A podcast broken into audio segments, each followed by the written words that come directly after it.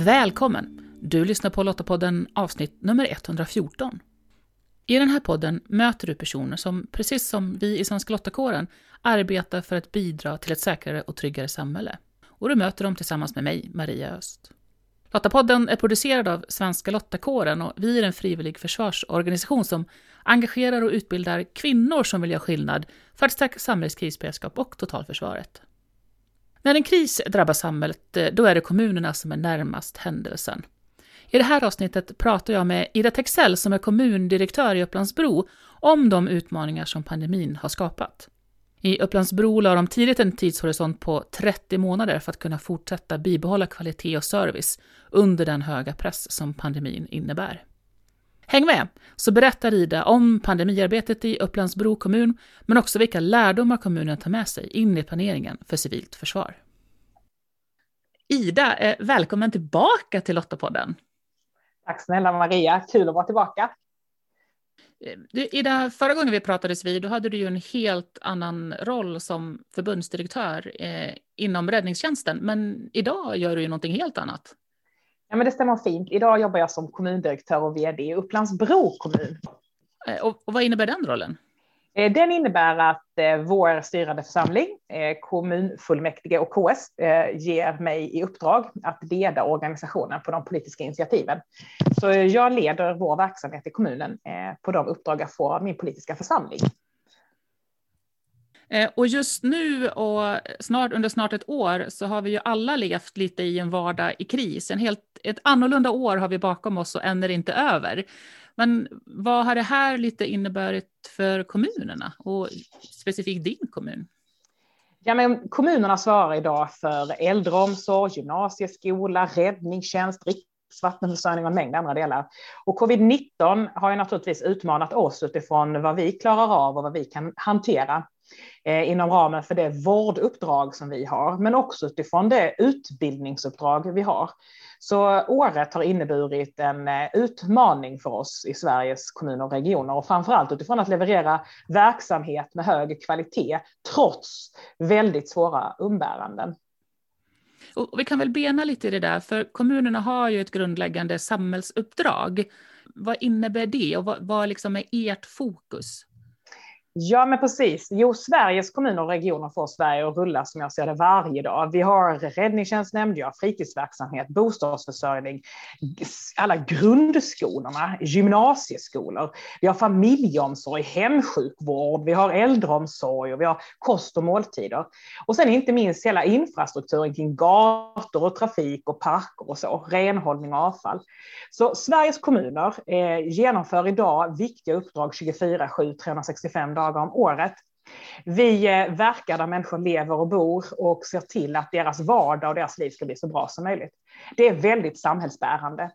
Och under covid-19 har vi också sett hur viktigt det är att vi är skickliga i vår kommunikation, att vi klarar av att engagera och ge tydlig och bra eh, information oavsett om det gäller vaccination, besöksförbud eller hur man kan säkra att man får mat om man är ett ungt barn eh, eller en ung individ och har svåra umbärande att plugga hemma och faktiskt går hungrig om dagarna. Så att det har varit en mängd olika delar som vi har tillgodosett och löst under det här året som vi har lagt bakom oss. Och hur har det fungerat då, tänker jag? För nu har det här varit en väldigt lång och segdragen eh, eh, kris. Vad är liksom, har ni fått göra vägval mellan att kunna leverera det här till medborgarna och eh, kontra då att liksom fokusera på att minska smittspridningen? Eh, ja, men när jag talar för min kommun så gjorde vi tidigt. Vi tog fyra mål och de bygger på den svenska strukturen för krisberedskapen. Ett av de målen handlade om att säkra funktionalitet. Det var otroligt viktigt för mig och vi la tidigt en tidshorisont på minst 30 månader långt framöver. Det vill säga att med uthållighet och med en fas klara av att leverera samhällets funktionalitet även under pressade förhållanden. Och under covid-19 så har vi visat på både god förmåga och kvalitet då vid den här operationaliseringen som man kan säga de här statliga besluten. Skolor har ställt om på några timmar till distansundervisning. Personal på äldreboenden har levererat sjukvård i människors bostäder långt utanför sjukhusens salar och väggar. Och i brist på egen utrustning har vi tillverkat utrustning. Vi har samverkat med frivilliga och vi har hittat nya sätt att kommunicera med invånarna. Så jag skulle vilja säga så här, Sveriges kommuner har under pågående pandemi gjort sitt yttersta, solidariskt ställt upp med sjukvården och framför allt tillsett att vi har engagerat frivilliga medborgare och människor i vår omgivning till att faktiskt lösa de här svåra umbärandena som Sverige varit inne i. Så jag skulle säga att vi har inte haft som mål att göra avsteg, utan har gjort vårt yttersta för att just bibehålla kvalitet och service. Och det har fått oss att utmana både oss själva, men också våra metoder och hur vi jobbar.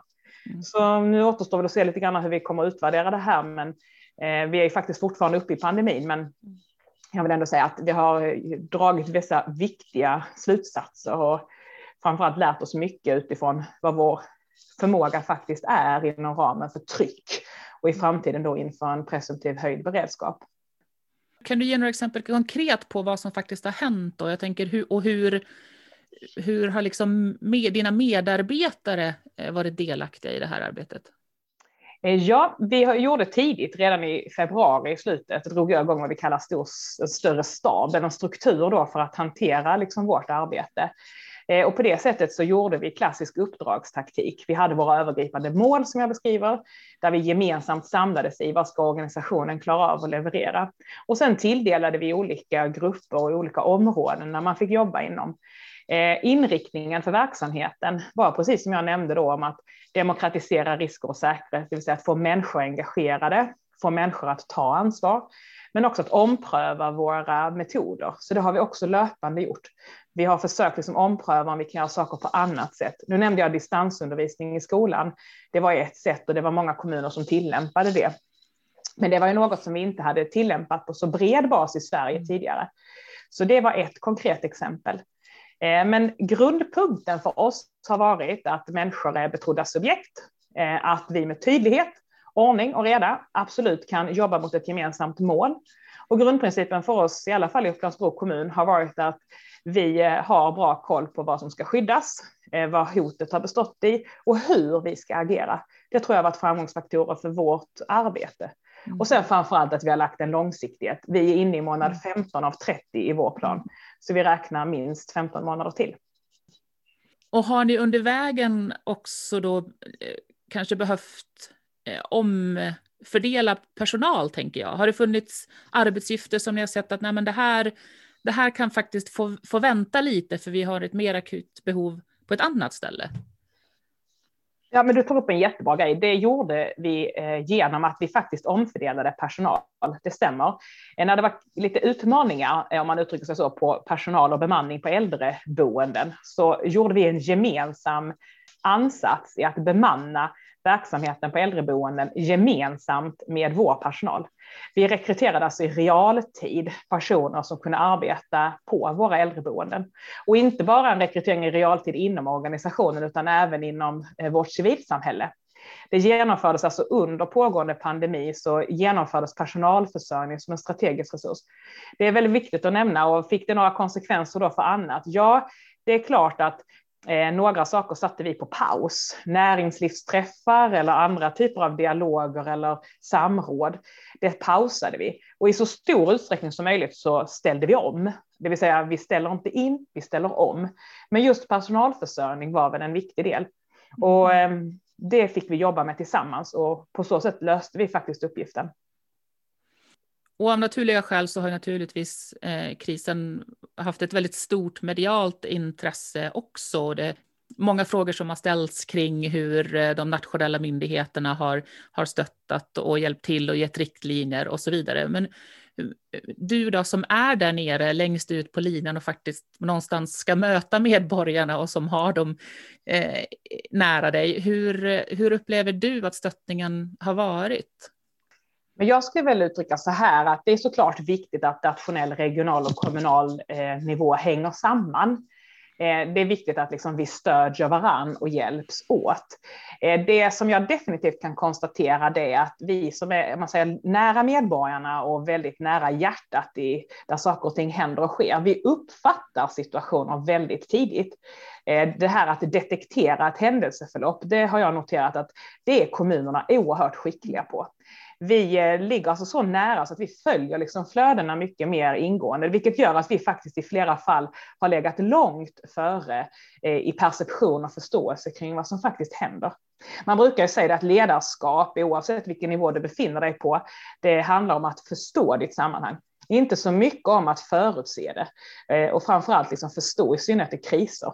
Och här har i alla fall min kommun varit skicklig att förstå händelseförloppet och på så sätt kunna agera. Så i många fall har vi faktiskt Eh, insett att vissa beslut har behövt fattas långt innan vi har fått direktiv från både nationell och regional nivå. Och det är ju en jätteviktig lärdom framgent att ha en ömsesidig respekt och förståelse för hur vi uppfattar situationer och framförallt hjälpa varandra med en gemensam lägesbild och horisont. Och då kan jag ge några konkreta exempel. Det är bland annat eh, äldreboenden och behov av liksom besöksförbud. Det är ett väldigt konkret exempel. Det andra är den utbildningsskuld som vi har aviserat och hissar tidigt nu utifrån ett perspektiv. Det ser vi ganska omgående. Det är ett annat exempel. Ett tredje exempel är hur vi ser hur invånarna konsumerar eh, kommunikation. Och det är ett tredje exempel som kommunerna är väldigt skickliga på att notera, just eftersom vi jobbar så nära. Så det var tre väldigt konkreta exempel där vår perception gjorde att vi faktiskt låg före statliga myndigheters direktiv eller önskemål eller rekommendationer. Upplever du att det har varit ändå en bra dialog och att ni har blivit lyssnade på under tiden? Eh, jag skulle säga så här, vi har haft fina samordningsfunktioner, i alla fall inom Stockholm. Eh, och det är framförallt genom Samverkan Stockholm, där Länsstyrelsen har haft en koordinerande roll.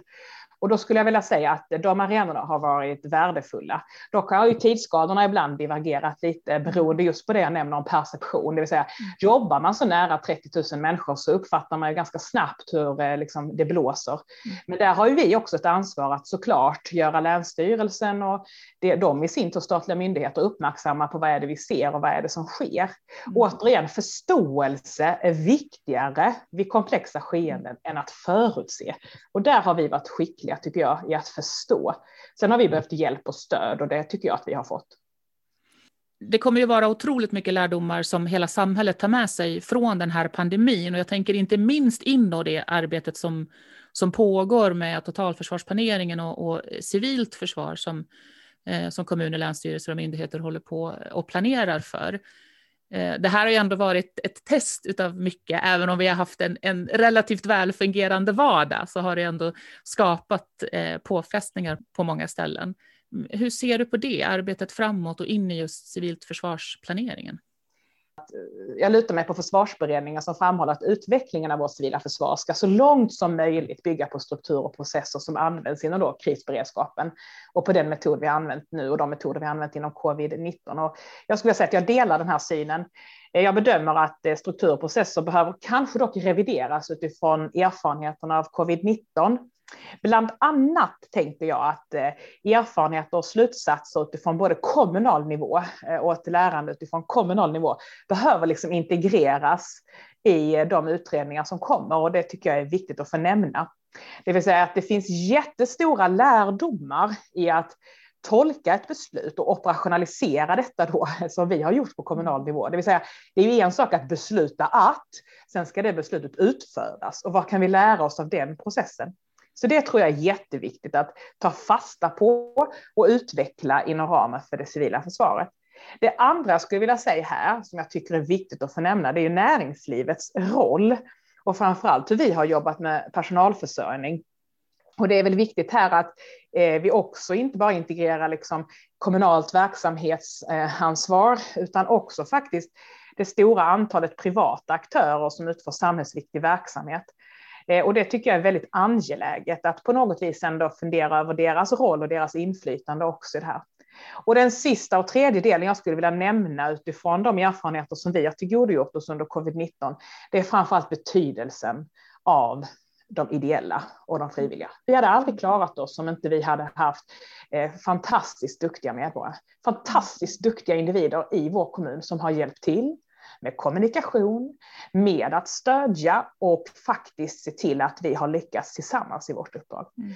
Så jag önskar och hoppas att man lämnar lite av det här statscentrerade begreppet där någon ska berätta för någon annan hur man ska göra och istället fokusera på vad vi kan lära oss tillsammans utifrån de olika perspektiv som faktiskt vi har med oss med anledning av det som har inträffat av covid-19. Och nu är ni halvvägs igenom ert, eh, er långsiktiga horisont. Eh, jag tänker, hur jobbar ni eh, inom kommunen med att hålla ja, men, engagemanget uppe och att man ändå ska känna att i allt det här jobbiga så, så finns det ändå en glädje och en, en känsla av att jag gör någonting viktigt?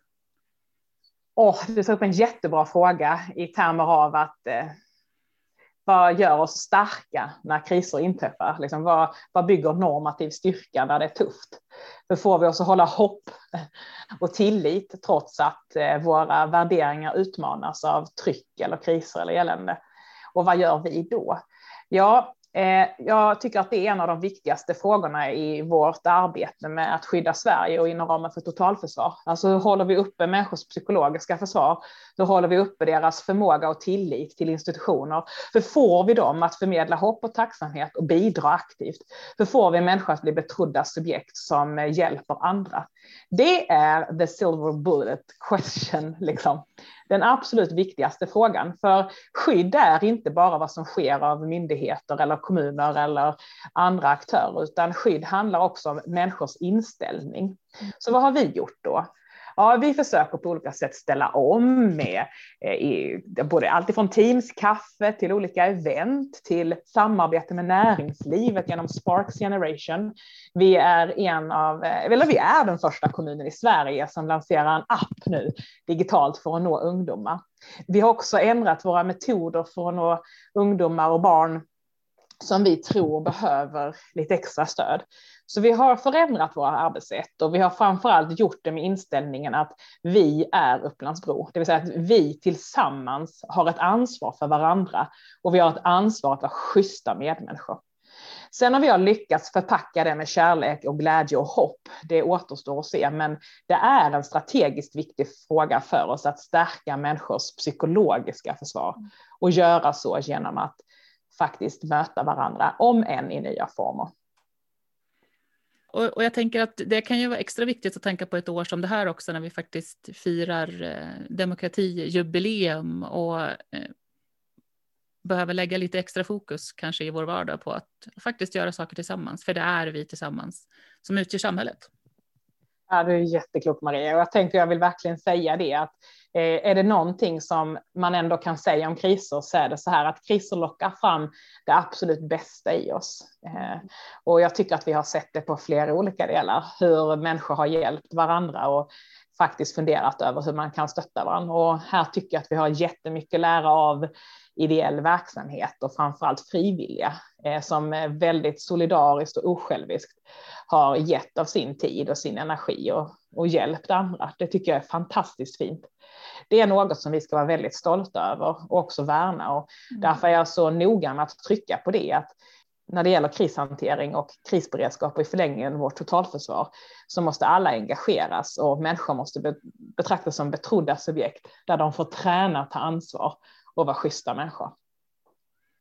Jag och Svenska Lottakåren håller ju helt klart med dig där. Det tycker vi också är viktigt såklart med engagerade frivilliga som verkligen vill bidra och hjälpa till. Tack så jättemycket Ida att vi fick eh, reflektera tillsammans med dig och höra dina erfarenheter från, från det som har hänt och också eh, lite medskick för, för framtiden. Så får vi se var, det, var, vi, var vi hamnar till slut. Och så hoppas vi såklart att vaccinationen nu ska ta, eh, hjälpa oss att ta slut på pandemin i alla fall, så att vi kan få krama om varandra igen.